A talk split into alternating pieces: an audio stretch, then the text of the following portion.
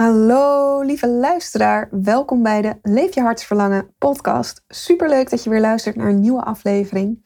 En deze aflevering gaat over je ruimte claimen om jouw purpose te leven. Ik hoor bij mijn klanten hoor ik namelijk best vaak deze uitspraken voorbij komen. Mijn partner steunt me niet, mijn partner lacht om hoe ik mezelf nu zichtbaar maak op social media. Ik heb het te druk thuis om mijn aandacht te richten op mezelf en op mijn purpose.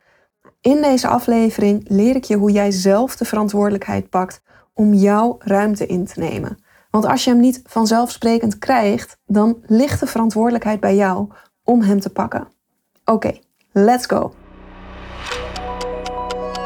Welkom bij de Leef je hartsverlangen podcast. Mijn naam is Nanda van Aalst van Mijn Storyteller. Het is mijn grootste passie mensen te motiveren en inspireren om hun hart te volgen. In deze podcast neem ik je mee op weg naar verbinding maken met jouw hart. Ontdekken wat jouw diepste hartsverlangen is en wat er nodig is om te gaan leven en werken vanuit wie jij in de kern bent. Zodat je het leven kiest waar jij gelukkig van wordt. Luister naar veel praktische tips en inspirerende verhalen. Let's go!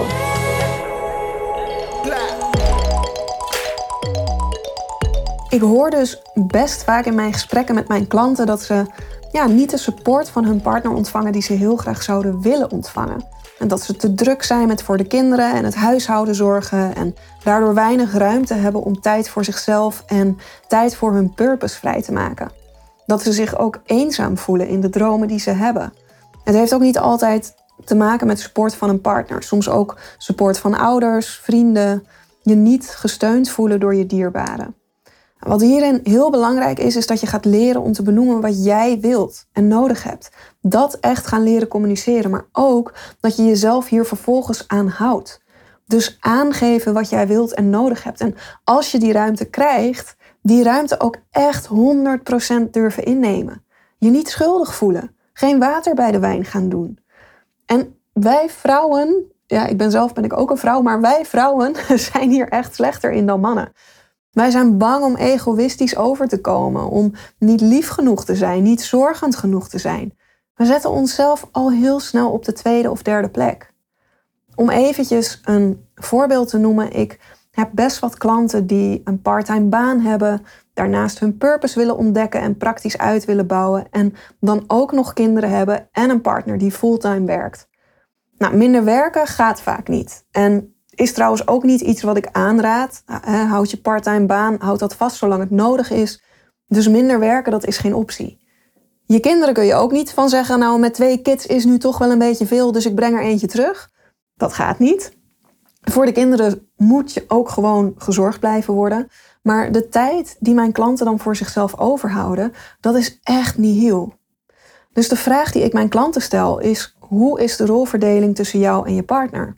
En wat heb jij aan hem of haar gecommuniceerd over wat jij nodig hebt? Want vaak blijkt dat daar eigenlijk helemaal niet echt over gesproken wordt.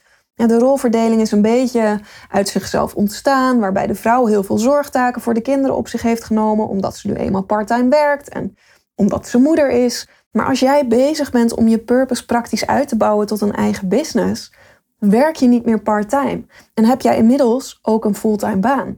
Dat betekent dat er een andere rolverdeling nodig is. En wat ik helaas veel terughoor is ten eerste dat veel vrouwen dat opzetten van een eigen business blijkbaar niet zien als werk wat je gewoon te doen hebt en waarvoor tijd vrijgemaakt moet worden, maar meer zien als iets waar tijd aan gegeven kan worden wanneer er een keer in de week een uurtje vrij is. En ten tweede, wat ik veel terughoor, is dat er dus helemaal niets verandert aan die rolverdeling. En het gesprek met de partner daarover dus ook niet gevoerd wordt. Dus je had al tien ballen die je in de lucht moest houden. En er komen nog eens tien ballen bij en die probeer je allemaal nog steeds op exact dezelfde manier in je eentje omhoog te houden.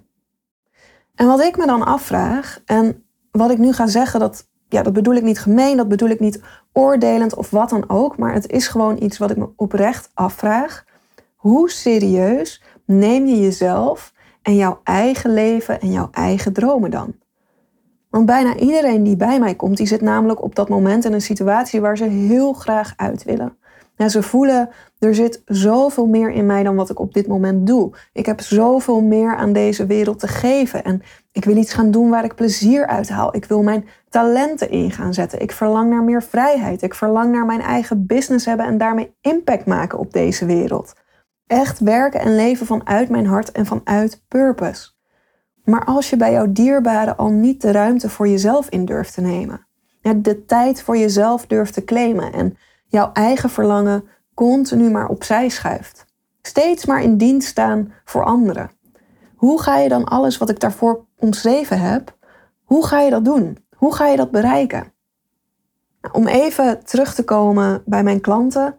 Laatst vertelde een klant aan mij dat ze dus moeite heeft om tijd te vinden. En ze zei: Ja, eigenlijk heb ik iedere dag zo rond een uurtje of negen uur s avonds pas de ruimte om voor mijn eigen business aan de slag te gaan. Maar ja, dan ben ik al kapot. Hè? Dan komt er niets meer uit. En dat snap ik heel goed. Ik ben zelf om negen uur s avonds ben ik ook echt niets meer waard. En dan wil ik gewoon bijkomen van de dag en mezelf voorbereiden op naar bed gaan. Dus ik vroeg aan haar: hoe is de rolverdeling tussen jou en je partner? Hebben jullie het gehad over welke dagen van de week en welke uren jij aan jouw business werkt? Nee, zei ze eigenlijk niet. Maar ja, eigenlijk kan ik dat wel doen, want mijn man gaat bijvoorbeeld ook iedere zondagochtend lekker sporten. Misschien moet ik dan afspreken dat iedere zaterdagochtend mijn ochtend is om aan mijn business te werken. En dit is dus echt een dingetje bij vrouwen dat we die ruimte niet durven te claimen.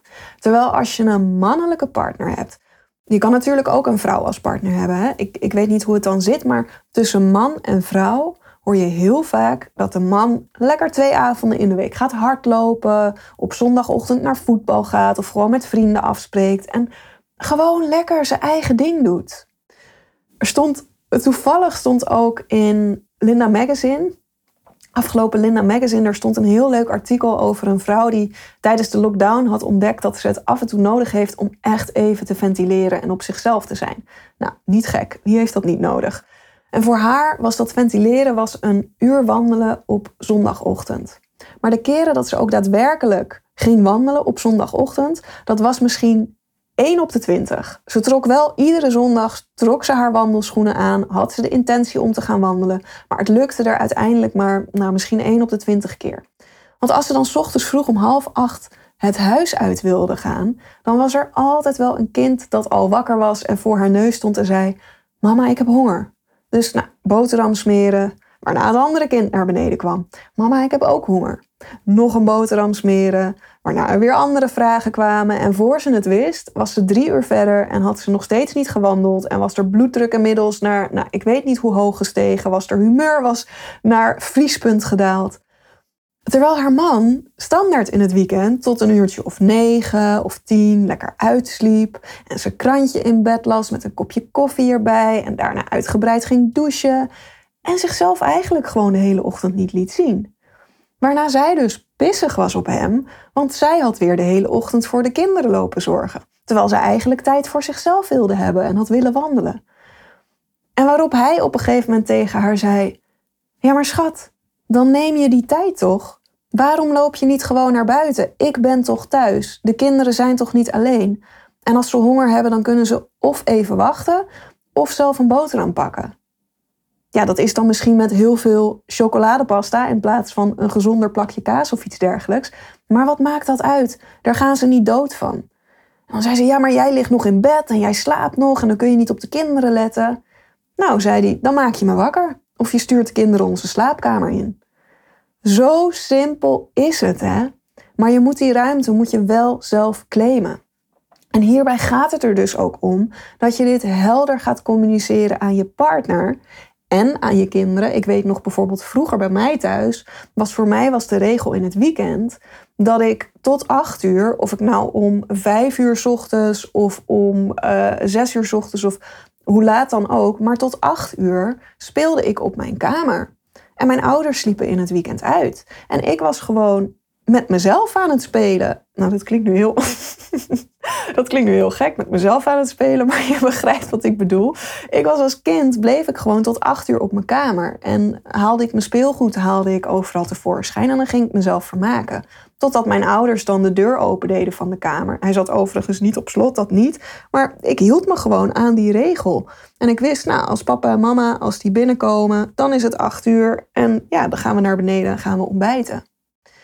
Maar je hebt dit dus heel helder te communiceren aan zowel je partner, aan je kinderen. En vervolgens heb je het ook zelf na te leven.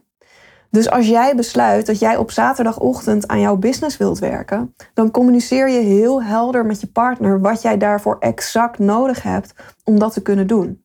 Ik heb het nodig dat jij op dat moment wakker bent en de kinderen te eten geeft. Ik heb het nodig dat jij de kinderen ochtends naar zwemles brengt. Ik noem maar even iets, hè. Wat heb jij nodig om die tijd voor jezelf te hebben en om aan jouw droom en business te werken? En vervolgens moet je het dus ook echt gaan naleven. Dus als jouw partner ochtends roept: Schat, ik kan de zwemspullen niet vinden, kun jij die even opzoeken en inpakken? Nee, jij bent aan het werk. Jij bent er eigenlijk helemaal niet. Dat heeft je partner zelf op te lossen. Of als de kinderen om de 10 minuten je kamer binnenkomen met mama dit of mama dat.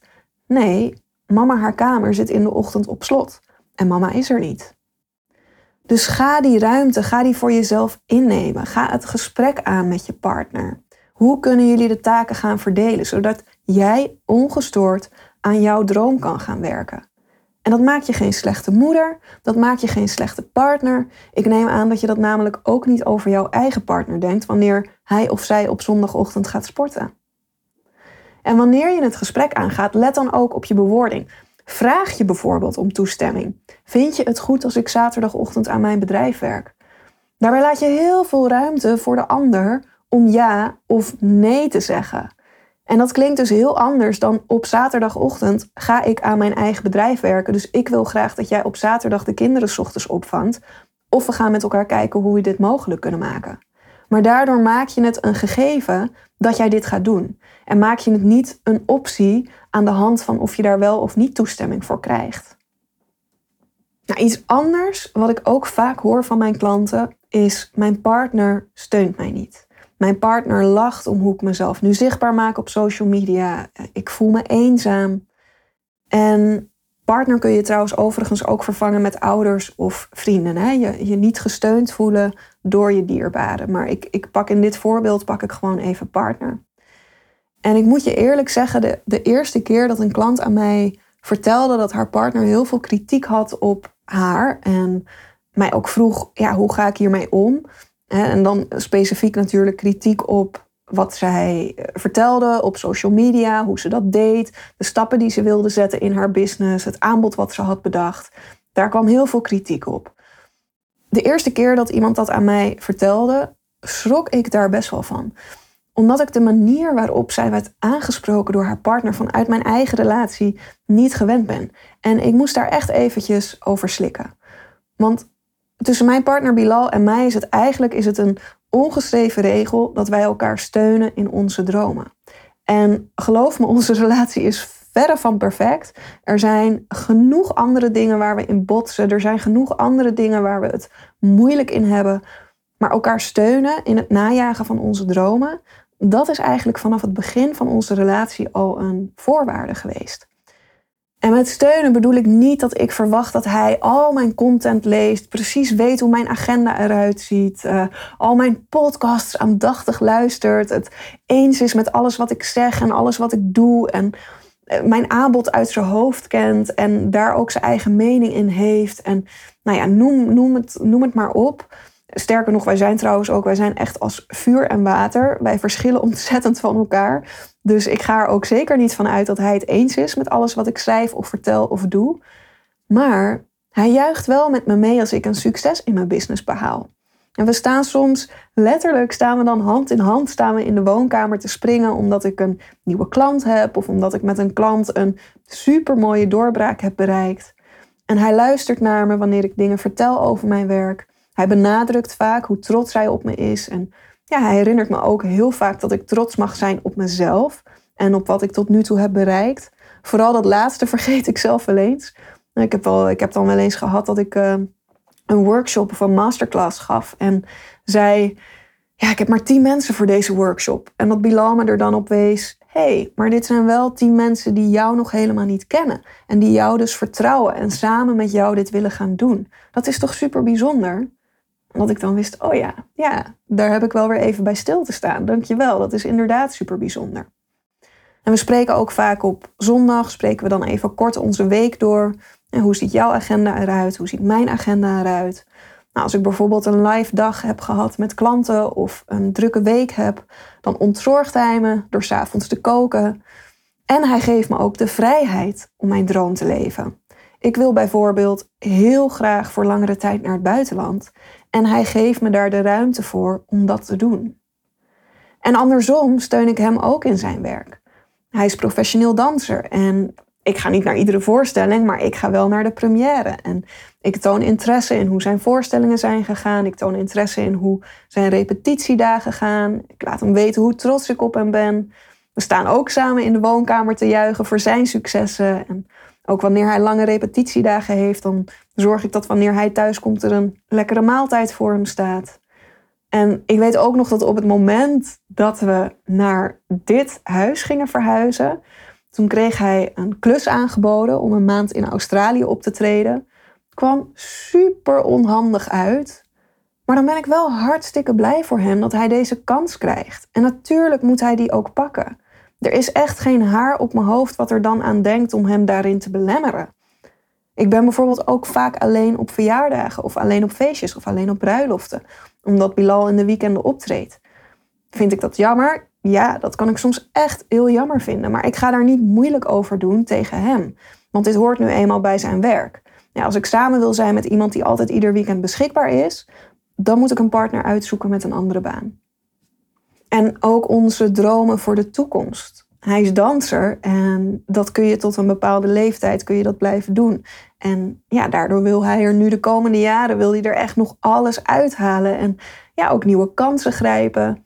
En hij heeft daarin heeft hij nog bepaalde dromen die hij wil realiseren. Maar als danser moet hij heel flexibel zijn in zijn agenda.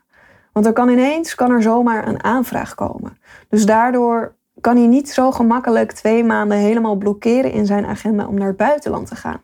Omdat hij bang is van ja, misschien krijg ik dan wel een aanbod voor een heel tof project en moet ik dan nee zeggen. En wij hebben elkaar hebben daar heel erg in moeten vinden. Want laat voor langere perioden naar het buitenland gaan, laat dat nou precies mijn droom zijn. Hè? Voor langere tijd vanuit het buitenland kunnen werken. Dus ja, dat heeft echt wel wat gesprekken gekost om elkaar daarin te vinden. En allebei goed blijven aangeven en goed blijven luisteren naar wat heb jij dan nodig en wat heb ik dan nodig? En wat kunnen we elkaar geven om elkaar daarin te steunen? En daarin hebben we nu een middenweg gevonden waarbij we allebei onze dromen kunnen blijven volgen en elkaar allebei daarin kunnen blijven steunen. En ik heb geen idee wat dat gaat betekenen voor de toekomst van onze relatie. Dat is iets wat we gaandeweg uit gaan vinden. Maar het belangrijkste is dat we elkaar steunen in onze dromen. En sommige dingen gingen helemaal vanzelf met betrekking tot hoe we elkaar steunen. En andere dingen die hebben we zelf aan moeten geven en zelf duidelijk aan moeten geven: hey, dit is wat ik van jou nodig heb. Toen wij bijvoorbeeld net gingen samenwonen, toen ja, vroeg Bilal, die vroeg niet zo heel vaak uit zichzelf, hoe was je dag? En hij ging er eigenlijk vanuit dat als ik daarover wilde vertellen, dat ik dat vanuit mezelf wel zou gaan doen. En hij vroeg ook niet zo heel veel door als ik iets vertelde over mijn werk. En als ik dan begon met vertellen, dan gebeurde het nog wel eens dat hij tegelijkertijd met vrienden aan het appen was of op zijn telefoon zat te scrollen. Wat mij het idee gaf, je bent niet geïnteresseerd. Terwijl ik heb die interesse en die vragen, die heb ik echt nodig om mij gesteund te voelen. En ik heb het ook nodig dat iemand mij aankijkt wanneer ik iets vertel. En daar hebben we het dus over gehad en sindsdien let hij daarop. En andersom bleek dat mijn manier van steunen nog wel eens kon zijn dat ik heel erg ging meedenken of adviseren. Terwijl hij daar dan helemaal niet op zat te wachten. Hij wilde dan gewoon even zijn ei kwijt. En niet per se een mening of oplossing horen, maar gewoon ja, een luisterend oor. Dat was voor hem steun genoeg. Gewoon even luisteren. Maar ik vind het juist heel fijn als hij met advies komt en meedenkt. Dat voelt voor mij heel betrokken en steunend. Maar steun is dus voor iedereen iets anders. Dus hoe ziet steun er voor jou uit? Betekent dit dat je partner met je mee moet juichen? Je moet adviseren over keuzes in je business, eh, tot in detail moet weten wat je doet en hoe je de dingen doet, al je content moet lezen. En wat bedoel je precies met steun? Als je niet helder communiceert wat steun voor jou is en wat je daarin nodig hebt, dan kan de ander dat ook niet weten. En zoals ik in het begin al zei, in het, in het begin schrok ik nog wel eens wanneer ik hoorde van mijn klanten wat voor kritiek ze van hun partner kregen, hoe eenzaam ze zich konden voelen. Maar onthoud dus dat steun er voor iedereen anders uitziet. Dus als jouw partner jou bekritiseert op de dingen die je doet en er heel erg zijn of haar eigen mening over spuit, dat kan in zijn of haar ogen steun betekenen. En je echt je willen beschermen. Het komt niet vanuit een slecht hart. Tenminste, ik ga ervan uit dat het niet bedoeld is om jou te kleineren of om jou slecht te laten voelen. Het is vanuit de gedachte: ik wil je beschermen. Het komt vanuit de angst over of het je allemaal wel gaat lukken en bang zijn dat je faalt. Mocht het wel een gemene ondertoon hebben en er echt op gericht zijn om je klein te maken of ja, om je een slecht gevoel over jezelf te geven, ja, dan zijn er natuurlijk hele andere vragen die je zelf te stellen hebt. Maar in eerste instantie, wanneer je merkt, mijn partner steunt mij niet, dan is de eerste vraag die je aan jezelf kan stellen, heb ik wel helder gecommuniceerd hoe steun er voor mij uitziet? Welke steun ik nodig heb? En misschien is het enige wat je nodig hebt dat hij je in ieder geval niet tegenwerkt. En kun je het toejuichen en de interesse in wat je doet en andere mensen om je heen vinden.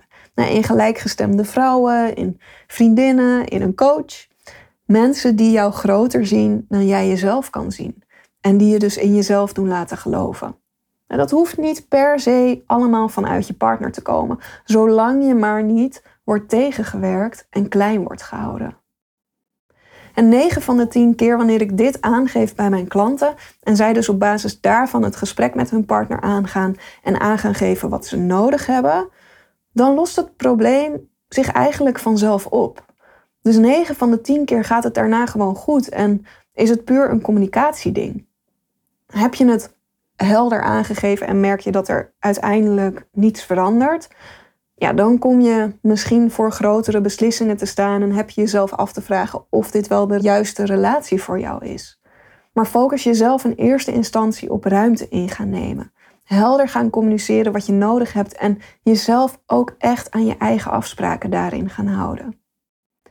Nou, ik hoop dat je hier iets mee kan. Laat het me vooral weten, want ik vind het heel leuk om te horen of je iets gehad hebt aan deze tips of om te horen hoe jij jouw ruimte inneemt. Of je mag ook aan mij vertellen waar je op dit moment tegenaan loopt betreft dit onderwerp.